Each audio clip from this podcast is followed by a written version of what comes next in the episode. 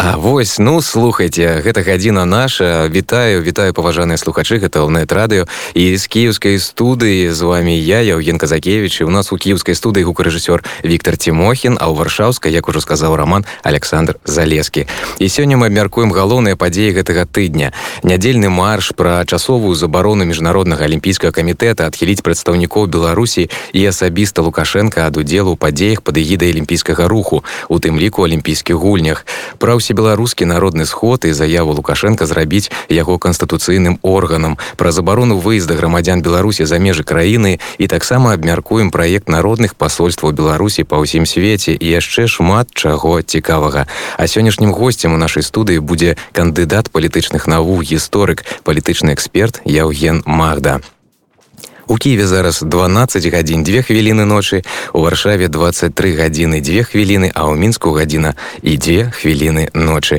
А я нагадаю, што вы слухаце ў нетрадыю кіўскай студыі вынікі тыдня падводжу з вами я, Яўген Казакевич, а зараз галоўныя навіны 11 снежня.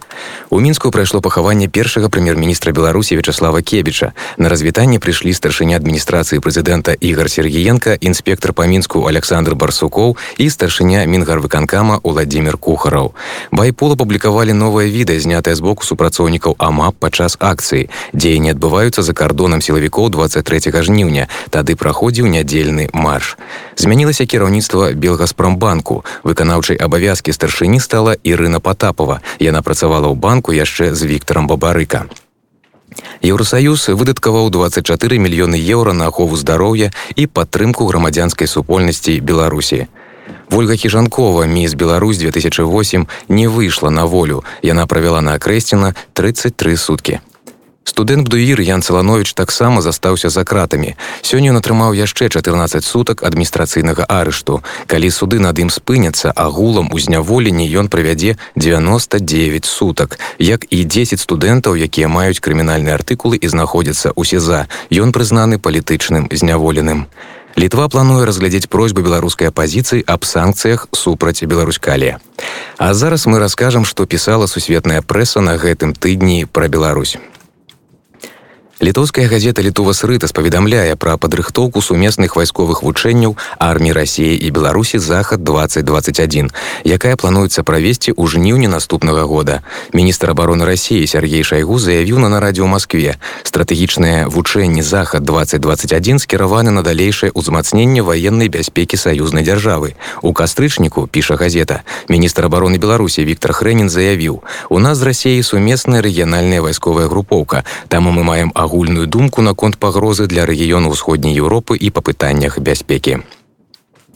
Латвійская газета Дэна піша: Міністэрства энергетыкі Беларусі паведаміла пра спыненне рэактара на астравецкай АС.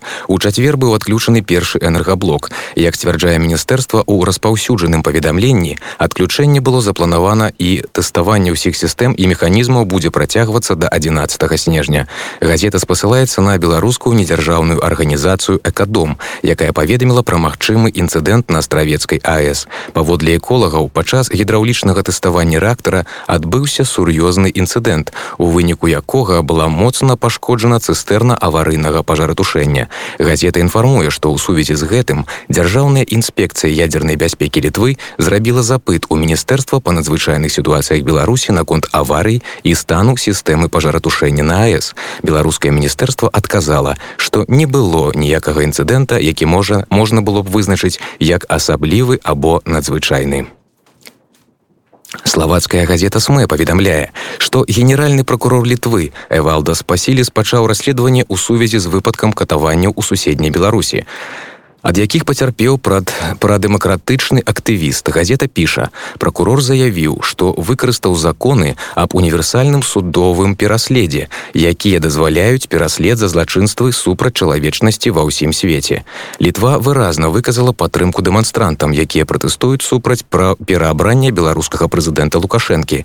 Следства было распачата ў сувязі з тым што беларускі грамадзянин Масім чарошын падаў у пракуратуру літвы скаргу на катаванне ў турме якія праводзяць праводзіліся пад наглядам беларускіх следчых органаў імёны падазраваных у злачынстве пакуль невядомыя піша газета Літоўская газета літова срытас паведамляе спасылаючыся на беларускую праваабарончую арганізацыю вясна пра прысуд вынесены судом фрунзенскага району мінску максіму паўлюшчыку і марыі бабович за надпіс не забудзем на месцы гібелі александра тарайкоўскага прысуд вынесла суддзя юлія блізнюк гэта найвысачэйшая і найдаўжэйшая з хваляў пратэстаў з'яўляецца самым вялікім выклікам лукашэнку які жалезным кулаком валадарыць у беларусі ўжо 26 гадоў робіць робіць выснову літоўскае выданне.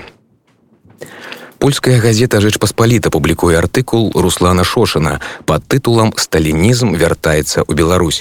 Аўтар піша: Хваля рэпрэсій не абмінула нават святароў. Арыштаваны ўжо некалькі ксяндзоў. Журналіст распавядае пра арыш святароў Віктора Жука, Алексея Варанко, Вячаслава Барка і Віталя Быстрова, якія падтрымалі пратэстоўцаў. Улады забаранілі ўздымаць у касцёлах бел-чырвоны белы сцяг, называючы яго нелегітымным сімвалам.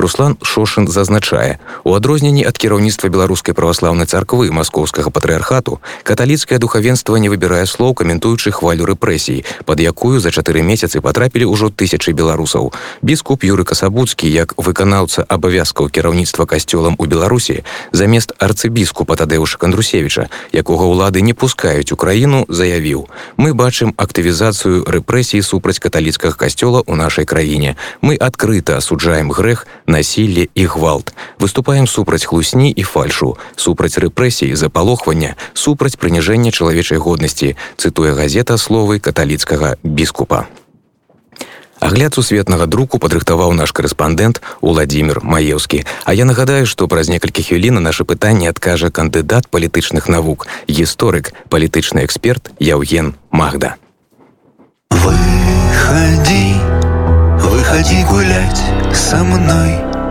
Выходи гулять со мной. Выходи гулять со мной.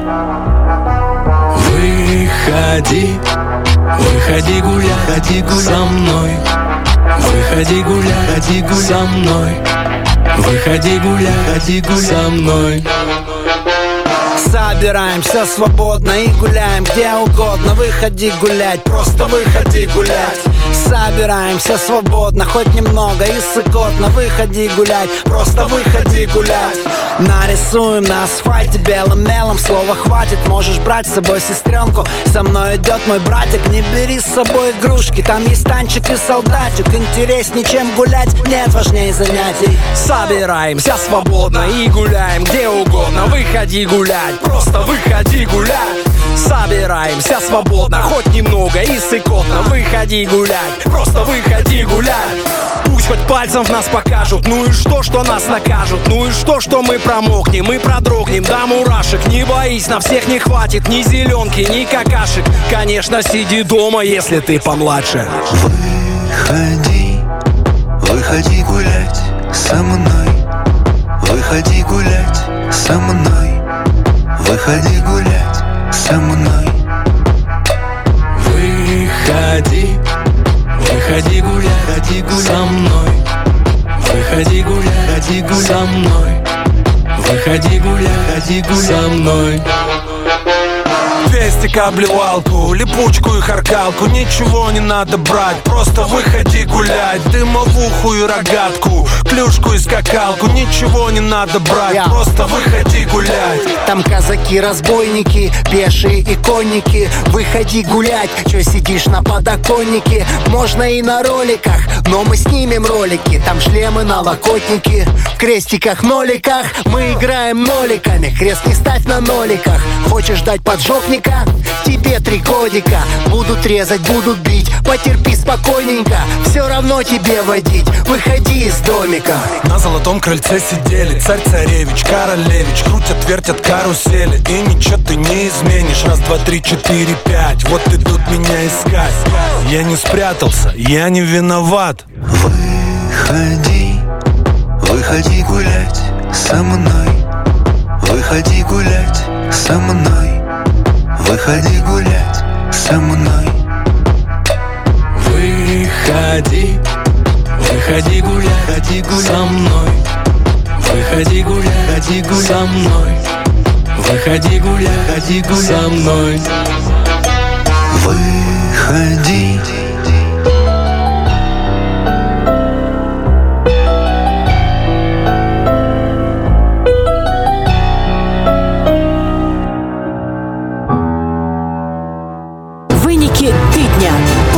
Підсумування тижня. Радіо УНЕТ. Вітаю вы слухаеце ў нет-радыё і гэта вынікі тыдня і ў кіеўскай студыі з вами я Яўген Казакевич і зараз у нас у студыі госць гэта кандыдат палітычных навук гісторык палітычны эксперт Яўген Магда Яўген вітаю вас доброй ночи Дякуй што прыйшлі до нас у студыю ў такі позні ўжо час Яўген і першае пытанне вось уже пяты месяц беларусы змагаюцца з рэжымам лукашенко з якім пачуццём вы назіраеце за такім нацыянальным абуджэннем беларусаў Это очень интересно, потому что буквально до этого года я практически ежегодно бывал в Минске на протяжении нескольких лет. И у меня есть свое представление о том, что происходит в Беларуси. А, вы знаете, это не похоже на Киевский Майдан. Это больше похоже на акцию «Украина без Кучмы» 2001 года. И немножко, наверное, на оранжевую революцию 2004 Я не знаю, чем закончатся эти события, но я понимаю, что они уже изменили белорусское общество очень сильно. И оно уже не будет таким, как прежде. Это, по-моему, понимают абсолютно все. Вось ужо э, у Беларусі вось учора ці пазаўчора э, увялі часовую забарону на выезд краіны праз наземныя пункты пропуску. Э, улады кажуць, што гэта звязана з COVID-19, але ж тады трэба было забараняць уезд, а не выезд. Вось якім чынам гэта можна пракаментаваць? Сложно комментировать логику действий белорусской власти в этом вопросе. Я понимаю, что а, это, скорее всего, ударит по тем белорусам, которые хотели встретить Рождество и Новый год с теми своими родными, которые оказались за пределами страны. Ну, вылетать-то самолетом можно, то есть вылетать, но э, я не знаю, наверное, Беларусь тоже попадает, как и Украина, под ограничения эпидемиологические э, для Европейского Союза. Поэтому, ну, откровенно говоря, многие страны варятся в собственном соку в борьбе с COVID-19, но ведь э, Лукашенко, по сути, и не признавал э, э, того, что есть пандемия. Он только перед президентскими выборами сказал, что он бессимптомно переболел коронавирусом. Э, в этом, ну, наверное, и ситуация в Беларуси похожа на коронавирус, потому что э, кто-то видит эти симптомы, а кто-то ждет соответствующего теста. Так ну вот атрымоўваецца што Беларусь адзіная краіна ў Еўропе якая закрыла межы на выезд так ці я памыляюся ну э, у нас э, в Украине весной э, не пускали на въезд иностранцев, а сейчас, э, когда говорят, что будет усиленный карантин, то в январе, то в принципе подчеркивают, что выезжать будет можно. Но э, давайте не забывать, что Беларусь все-таки э, страна с суперпрезидентским правлением. И мне, ну, эта логика, честно говоря, не совсем понятна. Ведь до этого года, ну и на протяжении многих лет, в принципе, люди, которые хотели уехать из э, Беларуси, они могли это сделать. Ну, я имею, э, имею в виду, скажем, и политические иммигранты, те, кто, те, кому было тесно в Беларуси Лукашенко. Вы знаете, когда я был э, последний раз в Минске, то общался там э, с коллегами, и мне сказали интересную фразу, что Беларусь — это страна, у которой нет бывшего. И, э, наверное, это вот лучше всего... И для меня это, когда, когда меня спрашивают об отличиях между Украиной и Беларусью, я говорю, что Э, в один день, летом 94 года, президентами своих стран стали Александр Лукашенко и Леонид Кучма. И когда вы посмотрите их политические биографии, вы поймете, чем отличается Украина от Беларуси. Очень наглядно. Ну вось лукашенко сказаў усебеларускі народны сход трэба зрабіць канстытуцыйным органам каб быў такі орган які б кантраляваў галоўныя напрамкі нашага развіцця як вы мяркуеце на вашу думку ці значыць гэта што под выглядам канстытуцыйнай рэформы ён хоча забраць сабе яшчэ больш улады вы знаете когда александр лукашенко по-моему, две недели назад сказал, что он больше не будет президентом Беларуси после принятия новой конституции, я подумал, что его должность будет называться как-то иначе. Я посмотрел о Всебелорусском народном собрании, оно достаточно регулярно, раз в пять лет собирается, и сейчас, я знаю, к нему идет подготовка, насколько я понимаю, оно может быть буквально в декабре. Поэтому э, у меня нет сомнений в том, что оно одобрит инициативы Лукашенко, а вот каким, э, как оно будет двигаться дальше, ну, знаете, э, Украина переживала политическую реформу, например, после оранжевого Майдана 2004 года, и в этом тоже, тоже происходит сходство между определенное.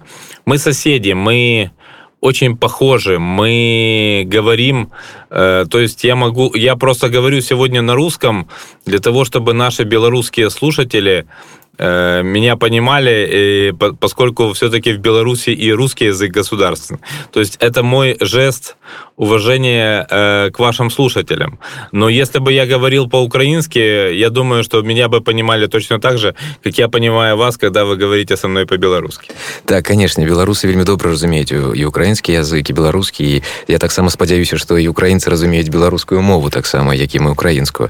Скажите такое пытанне, а ці можна гэта назваць таким мягким нейкім э, казахстанскім варыянтам пераходу улады что зараз плануе зрабіць лукашенко за усебеларускім народным сходам а, ну я не знаю э, станет ли лукашенко елбасы григорьевичем это было бы как минимум э, странно для наших широт но все-таки э, видимо у него есть какой-то свой план перехода и Э, я, в моем понимании э, Лукашенко находится на все более коротком поводке, который в руках Путина. Но Лукашенко ощущает себя э, все-таки самым опытным политиком на постсоветском пространстве.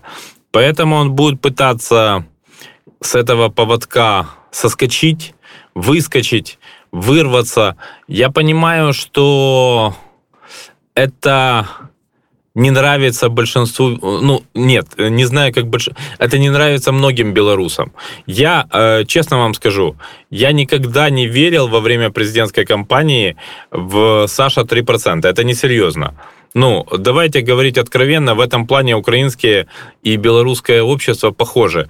То есть у Лукашенко все-таки, ну, по крайней мере, во время президентской кампании была поддержка э, на уровне 15-20%. Это статистика любого общества практически на постсоветском пространстве, тем более э, где э, такой большой процент государственной экономики, тем более где есть э, известное влияние правоохранителей, где, в принципе, есть э, четкая медийная повестка, которая э, расставляет для многих э, граждан точки над «и». Но Лукашенко не пошел на этой развилке путем, э, скажем, компромиссов. Он вообще, вот мы с вами общаемся на фоне бело-красно-белого флага, и уже осенью я, я э, предположил, что Лукашенко, например, предложив он э, вернуть бело-красно-белый флаг как государственный в Беларуси, он бы, например, ну, как, как мне кажется, бы сгладил протестное настроение. Но он на это не пошел, насколько я понимаю, у него другое видение, другая парадигма. Э, это его политические действия, и ему за них нести ответственность. Ну і дарэчы вы сказалі пра бел-чырвоны белы сцяг і сёння роўна 29 год в 91 годзе быў прыняты ўрадам беларусі закон аб тым што бел-чырвоны белы сцяг лічыцца дзяржаўным сімвалам беларусі ну вось вы таксама закранули тэму путина і рассеі зараз лукашэнкі так напруджаны адносіны з путиным А якія магчымасці ў яго яшчэ на вашу думку ёсць для манёўра каб захаваць уладу акрамя сяброўства з рассіяй Ну, в этом плане э, я не верю, что э, официальный Минск полностью развернется и скажет, все, мы идем курсом европейской интеграции, потому что к этому не готово белорусское общество, по-моему. Я знаю, что в Беларуси нет возможности проводить независимые социологические исследования без разрешения властей. Это чревато э, даже уголовным наказанием. Но я понимаю, что какая-то часть белорусов хочет в союз с Россией. Я понимаю, что для большинства белорусов Россия и россияне не являются врагом. Я хочу честно сказать, что в этом, э, наверное, белорусы похожи с гражданами Украины до 2014 года, потому что до того, как Россия отрезала у Украины Крым и сделала кровавой раной Донбасс, вражды к россиянам, ну, на таком масштабном уровне в Украине не было. Беларусь тоже э, живет во многом по российской политической повестке. Там самые популярные медиа — это «Комсомолка» и «НТВ». Это с приставкой в Беларуси, но это, по-моему, не имеет принципиального значения. Поэтому, как будет разворачиваться Лукашенко, у него очень маленькое пространство для маневра, потому что он зависит финансово, он зависит политически. Э, и вы знаете, тут такое мое наблюдение, связанное со смертью Романа Бондаренко, это тоже один момент, который э, вот э, вряд ли звучал в ваших эфирах. Эта смерть, она не просто трагична, она просто, э, знаете, э, вот в любом случае э, была бы возложена на Лукашенко, кто бы, кто бы это ни сделал. То есть это сделали люди в балаклавах, и это напоминает мне ситуацию в Украине 2000 э, года с гибелью Георгия Гангадзе, с одной стороны. С другой стороны, это мне напоминает революцию достоинства 2014 год, когда погиб тоже белорус Михаил Жизневский, когда погиб гражданин Украины, но этнический армянин Сергей Негаян. То есть это вот э, такая, знаете, смерть, которая не просто человеческая трагедия, а которая становится катализатором каких-то политических событий. Так і давайте працягнем тэму ўзаемаадносін з рассіяй паводле эканаміста Ярослава раманчука санкцыі могуць прывесці да таго што ўплыў і прысутнасць расійскага алігархічнага бізнесу які даўно ўжо ўбудаваны ў сусветную эканоміку стане значна больше магчымасці расійскага бізнесу будуць такімі што беларускага не застанецца Як вы лічыце наколькі магчымы такі сцэнар Беларусь остается государством, в котором э, высокая степень, собственно говоря, государственной собственности на средства производства. То есть те заводы, которые пытались бастовать, и тут отдельная тема, что это получилось далеко не у всех, э, они, многие из них государственной собственности. И я думаю, что Россия будет на эти предприятия пытаться заходить, убеждая Лукашенко, что продав России эти заводы, э, он э, снимет с себя проблемы, ну, потому что новые собственники придут и, э, то есть, будут, знаете, как в советском учебнике о капитализме, что хозяин все решает, и это, так скажем, просто некуда от этого деваться.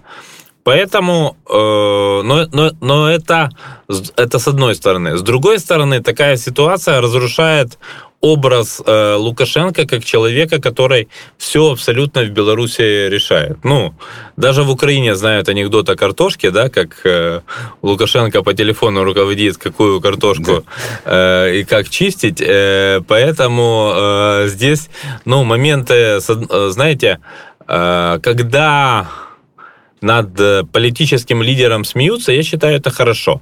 Это показатель э, здоровья нации. И э, я, как вы, наверное, заметили, я не пытаюсь советовать нашим белорусским соседям. Я просто рассказываю о том, как это видится из Киева, как это видится по-соседски, потому что часто говорят, что хороший сосед лучше дальнего родственника. У нас тысячи километров общей границы. Украина кровно заинтересована в том, чтобы Беларусь была стабильной и демократической. И я не буду скрывать, что до августа 2020 года я говорил, что Лукашенко гибридный союзник Украины.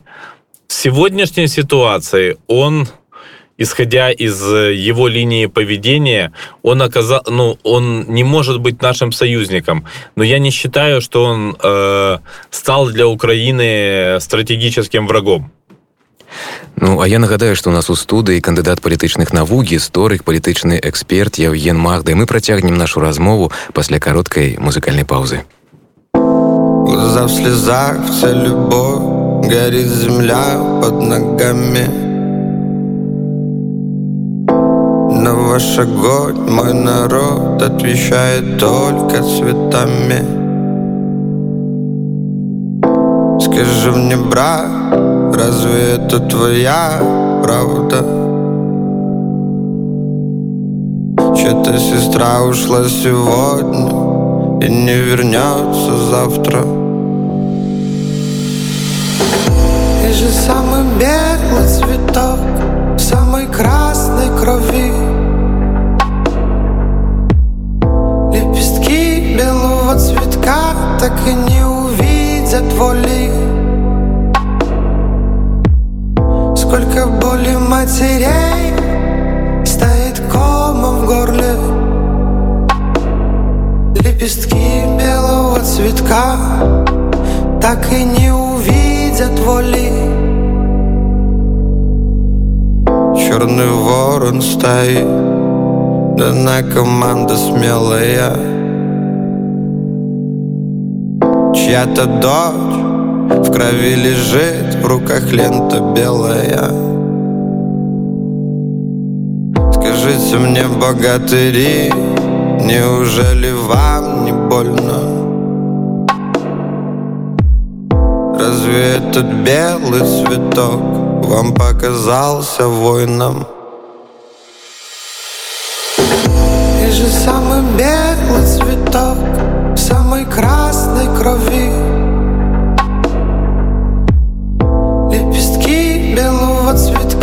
так и не увидят воли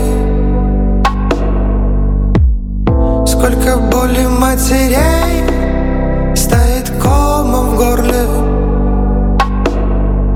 Лепестки белого цветка Так и не увидят воли. Ты же самый белый цветок Самой красной крови. Белого цветка Так и не увидят воли. Сколько боли матерей Комом в горле Лепестки белого цветка Так и не увидят воли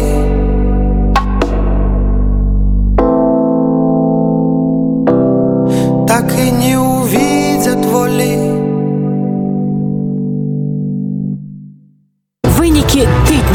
Падсумаванне тыгодня. Радыё УНэт. Вы слухаце радыонет і гэта вынікі тыдня мы вітаем усіх наших слухачоў слухачоў з варшавы з кракава з вроцлава з вільнюса і перадаем прывітанне радыё з надвілі якое знаходзіцца ў вільні А я нагадаю што сёння ў студыі у нас кандыдат палітычных навук гісторык палітычны эксперт Яўген Магда Вітаю Яўген яшчэ раз Да, добрый вечер доброй усе, ночи. усе ведаюць як лукашенко любіць хоккей вось нядаўна была навіна что ён что адмянілі ад гэтай турнір які ён праводзіў кожны студзень а зараз яму забаранілі прымаць удзел ва ўсіх мерапрыемствах на алімпійскага камітэту пасля чаго ён назваў бахам і у ягоных э, сяброў бандай скажыце ці стала гэта для яго нечаканасцю вось гэта забарона як вы лічыце Ну, э, Лукашенко ведет себя, наверное, как Трамп в такой же парадигме. То есть он всегда резко реагирует на то, что ему не нравится. Это его фирменный стиль. К этому, наверное, привыкли и сами белорусы.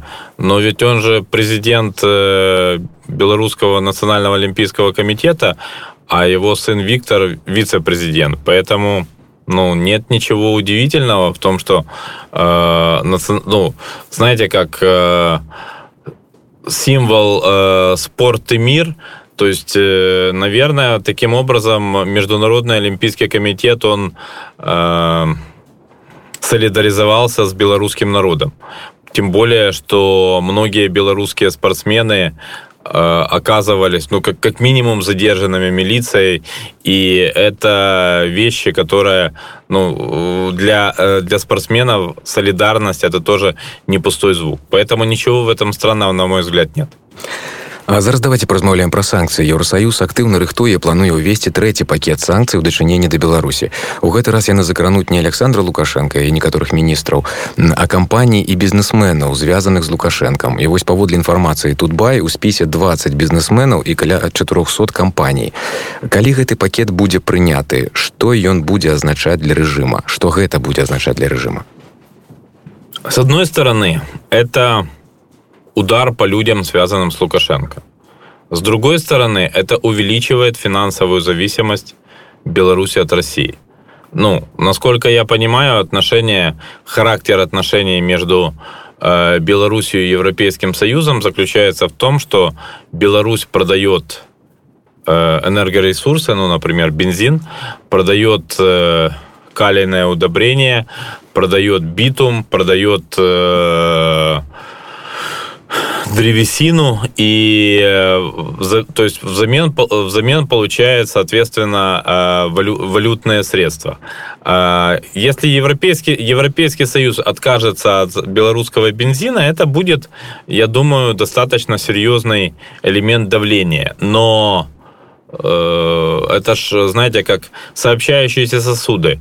Э, Европейский Союз будет отка... Э, Путин не будет Лукашенко ставить какие-то условия о демократизации. Тут это тоже необходимо понимать, и я надеюсь, что это понимают и в Европейском Союзе.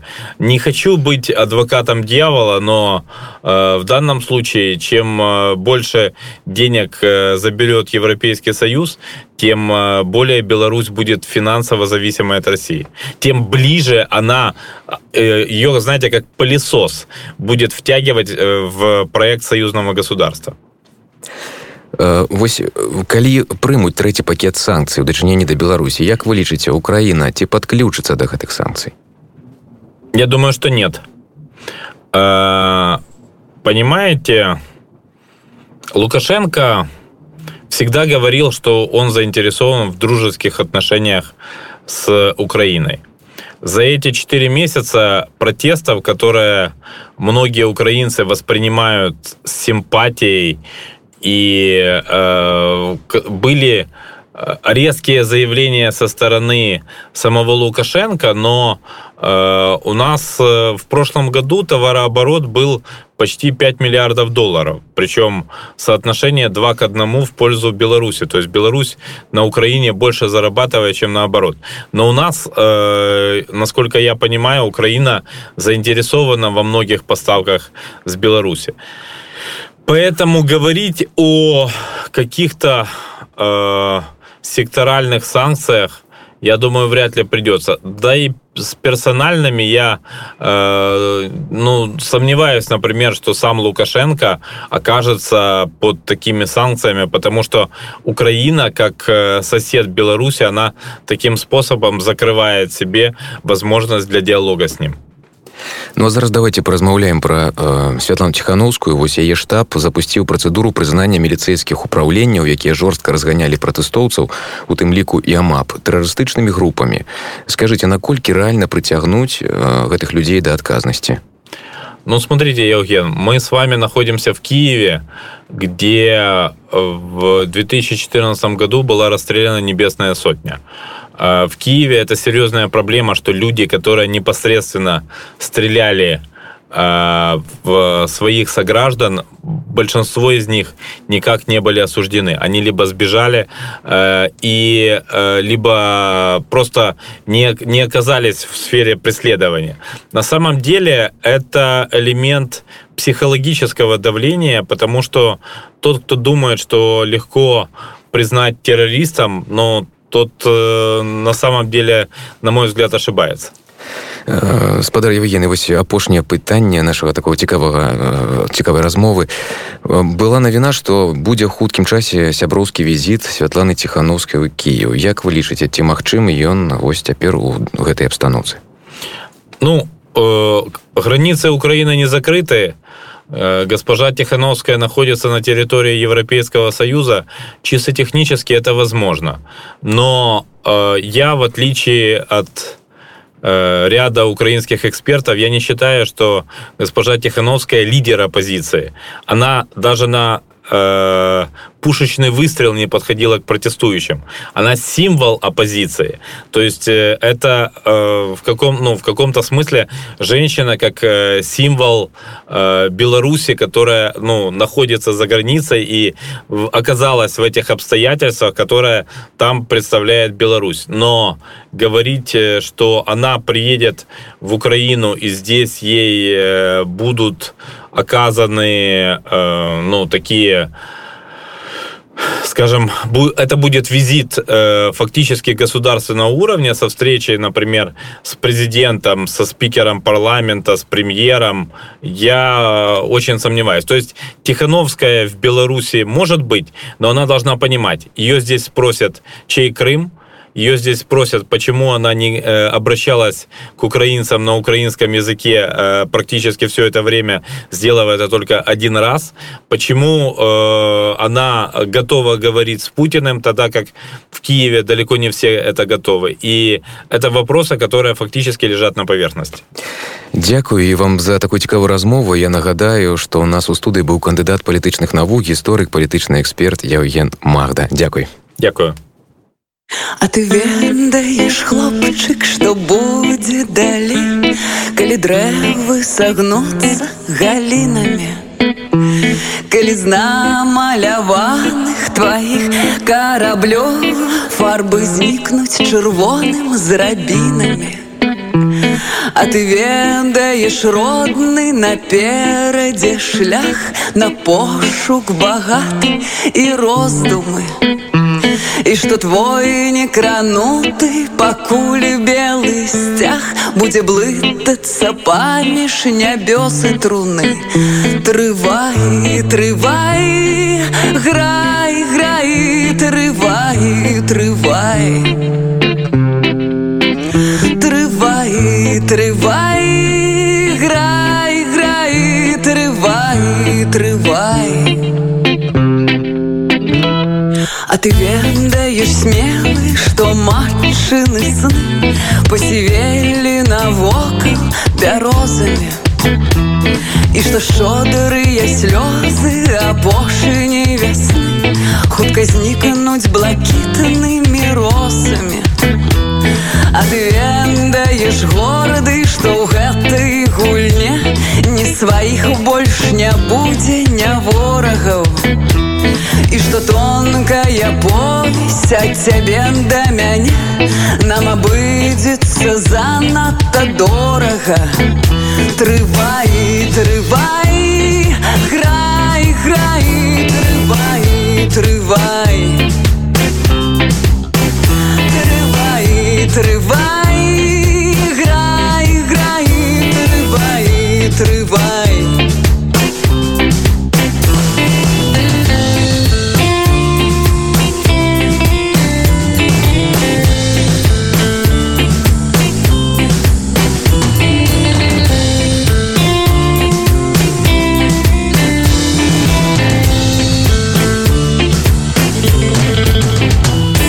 ты ведаешь, любы, что хутка война Захиснется облоками с полымем. И далей, мой миленький, одна тишиня Одна тишиня, одна тишиня. А ты трывай, трывай,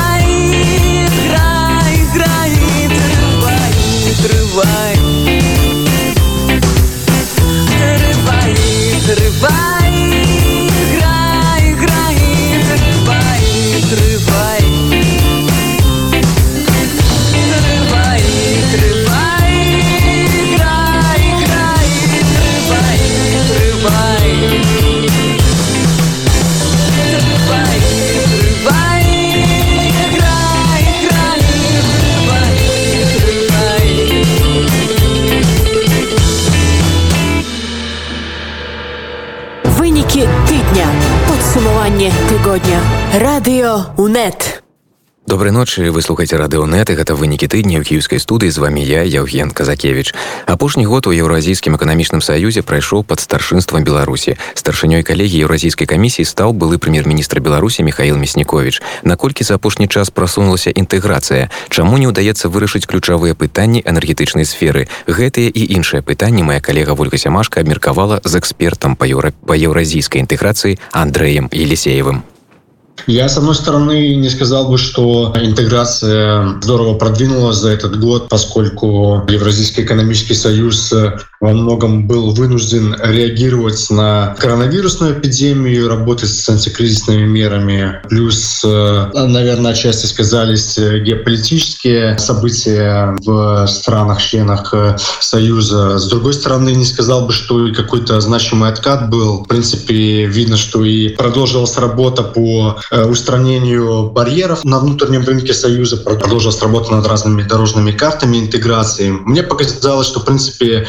Мясникович, он как человек, который писал суть в том, что его научная работа, там, докторская, касалась промышленно-финансовых групп. Как раз на этом некоторый акцент произошел в этом году, то есть как раз была одобрена так называемая карта индустриализации Евразийского экономического союза, там, где собрали информацию про крупные инвестиционные промышленные проекты. Мне показалось, что это как раз та тема, которой давно занимался Мясникович. Вот он попытался на этой теме сыграть. Так вот, из таких интересностей я бы, наверное, отметил эту деталь. А як вы лічыце, ці ёсць будучыня ў такіх маштабных сумесных праектаў, якія прапануе Мяснікович? Наколькі я разумею, размова ідзе пра такія буйныя кааперацыі кшталту Airbus у Европе. Это очень долгосрочные проекты. Речь идет про среднюю, даже дальнюю перспективу. То есть потенциально возможно, но это в том случае, если это проект экономической интеграции евразийской будет успешным в краткой, среднесрочной перспективе, то в таком случае можно на это рассчитывать. А як ідуць справы з прыняццем рашэнняў у еўразійскім эканамічным саюзе? Ці ўдалося рэалізаваць гэты наднацыянальны прынцып? Я бы не сказал, что ускорилось принятие решений, и проблема даже не в скорости принятия решений, а в той структуре, которая есть, институциональная структура Союза, она не очень способствует вообще быстрому продвижению интеграции, потому что в Евразийском экономическом союзе, в отличие от Евросоюза, нету мощного наднационального органа. То есть вот эта коллегия Евразийского экономического союза, который в этом году возглавляет Мясникович, как истинный наднациональный орган, у нее очень ограниченные компетенции. И, по сути, любые решения, которые принимает коллегия, они могут быть отменены Советом Евразийской экономической комиссии, либо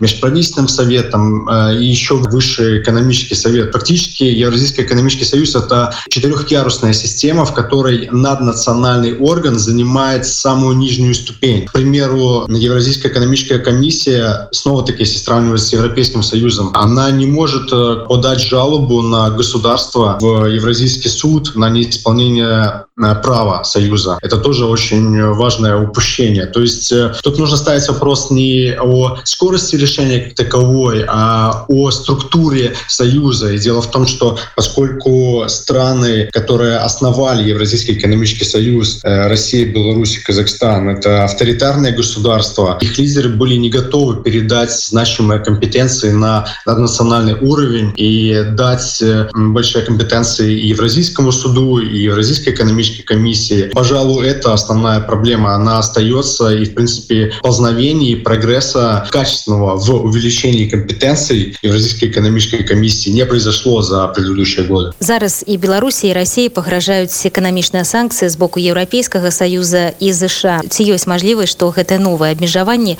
яны падштурхнуць еўразійскі эканамічны саюз да якасна новага развіцця. Я не думаю, что подобные внешние воздействия могут э, как-то подструнить и повлиять на то, что вдруг э, качественно начнется развиваться евразийская интеграция, вдруг передадут э, национальному органу значимые компетенции. Вряд ли. Сейчас, мне кажется, регион вступает вообще в такой период довольно значимых изменений социальных.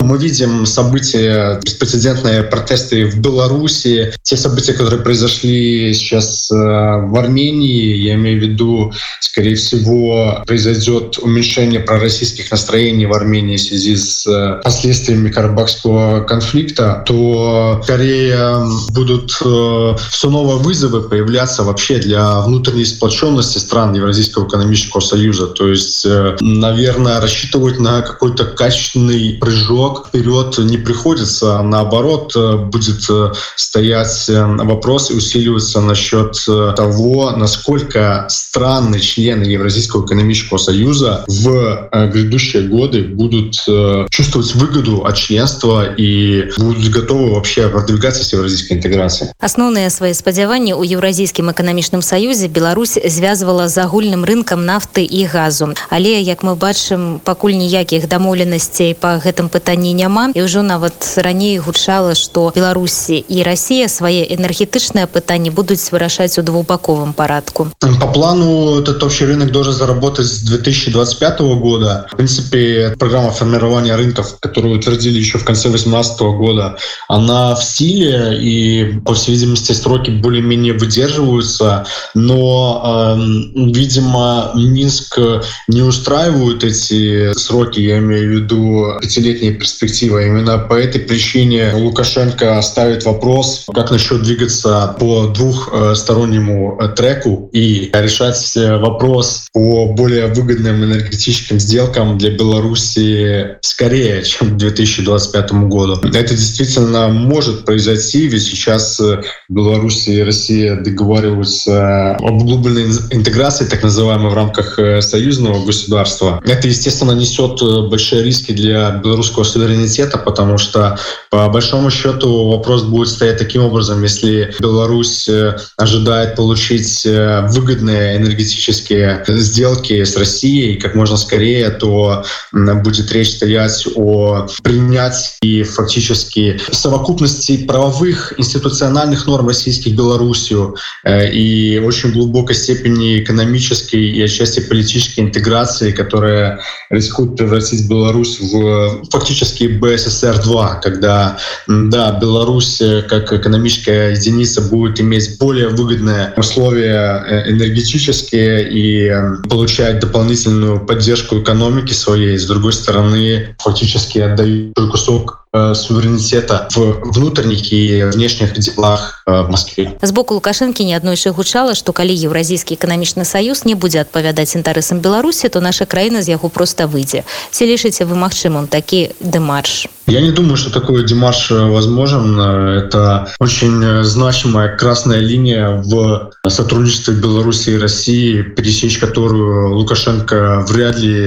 решится. И я не думаю, что был такой реальный момент, когда он всерьез хотел выйти и рассматривал вариант выхода Беларуси из Союза. Дело в том, что во многом пакет политический сотрудничества Беларуси и России, он именно настроится, фундамент его в, в том, что Беларусь является членом активных вот этих российских интеграционных объединений. Если посмотреть на предыдущие президентские выборы, то каждый раз либо в преддверии выборов, либо сразу после них Лукашенко вовлекал Беларусь во всю новую интеграционную повестку с Россией. Если мы возьмем выборы 2010 года, то тогда сразу после выборов, буквально в течение там, полутора недель, Беларусь ратифицировала пакет документов по Евразийскому экономическому пространству. Фактически в обмен на поддержку политическую Кремля Лукашенко вступил в более углубленную интеграцию евразийскую.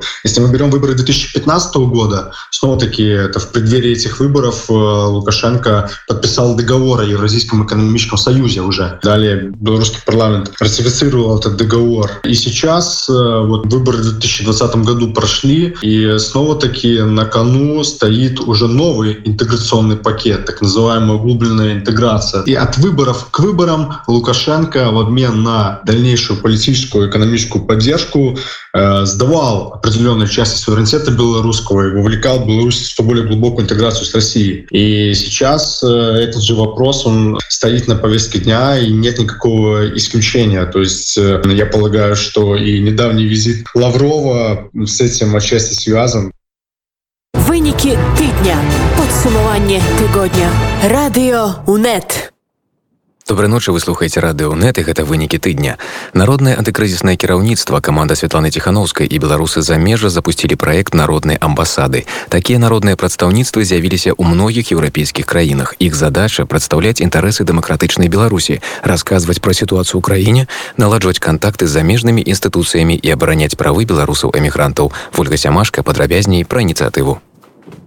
Ініцыятыва стварэння такіх народных амбасадаў замацавана ў рэзалюцыі сусветнага кангрэса беларусаў, які прайшоў у канцы кастрычніка онлайн пры ўдзеле сябраў беларускіх дыяспор з дзясяткаў краін. Асноўная задача стварыць прадстаўніцтва дэмакратычнай беларусі, якія будуць адстойваць інтарэсы грамадзян, кажа сакратар суполкі беларусы замежжа Михаил Рубин. Параллельно с развитием протестного движения в Беларуси оплачивались и возрождались белорусские диаспоры по всему миру. Конечно, мы Белорусы, разбросанные по миру, привыкли видеть в посольствах и консульствах частичку нашей Родины. Были в постоянном контакте с нашими дипломатическими миссиями. К сожалению, далеко не все дипломаты приняли сторону народа. Посольства и консульства Беларуси практически остановили свою работу и ограничились, к сожалению, лишь оказанием необходимых консульских услуг. А их функции фактически уже переняли на себя белорусские диаспоры на местах. Да, диаспоры объединяются, формируют общественность о актуальных событиях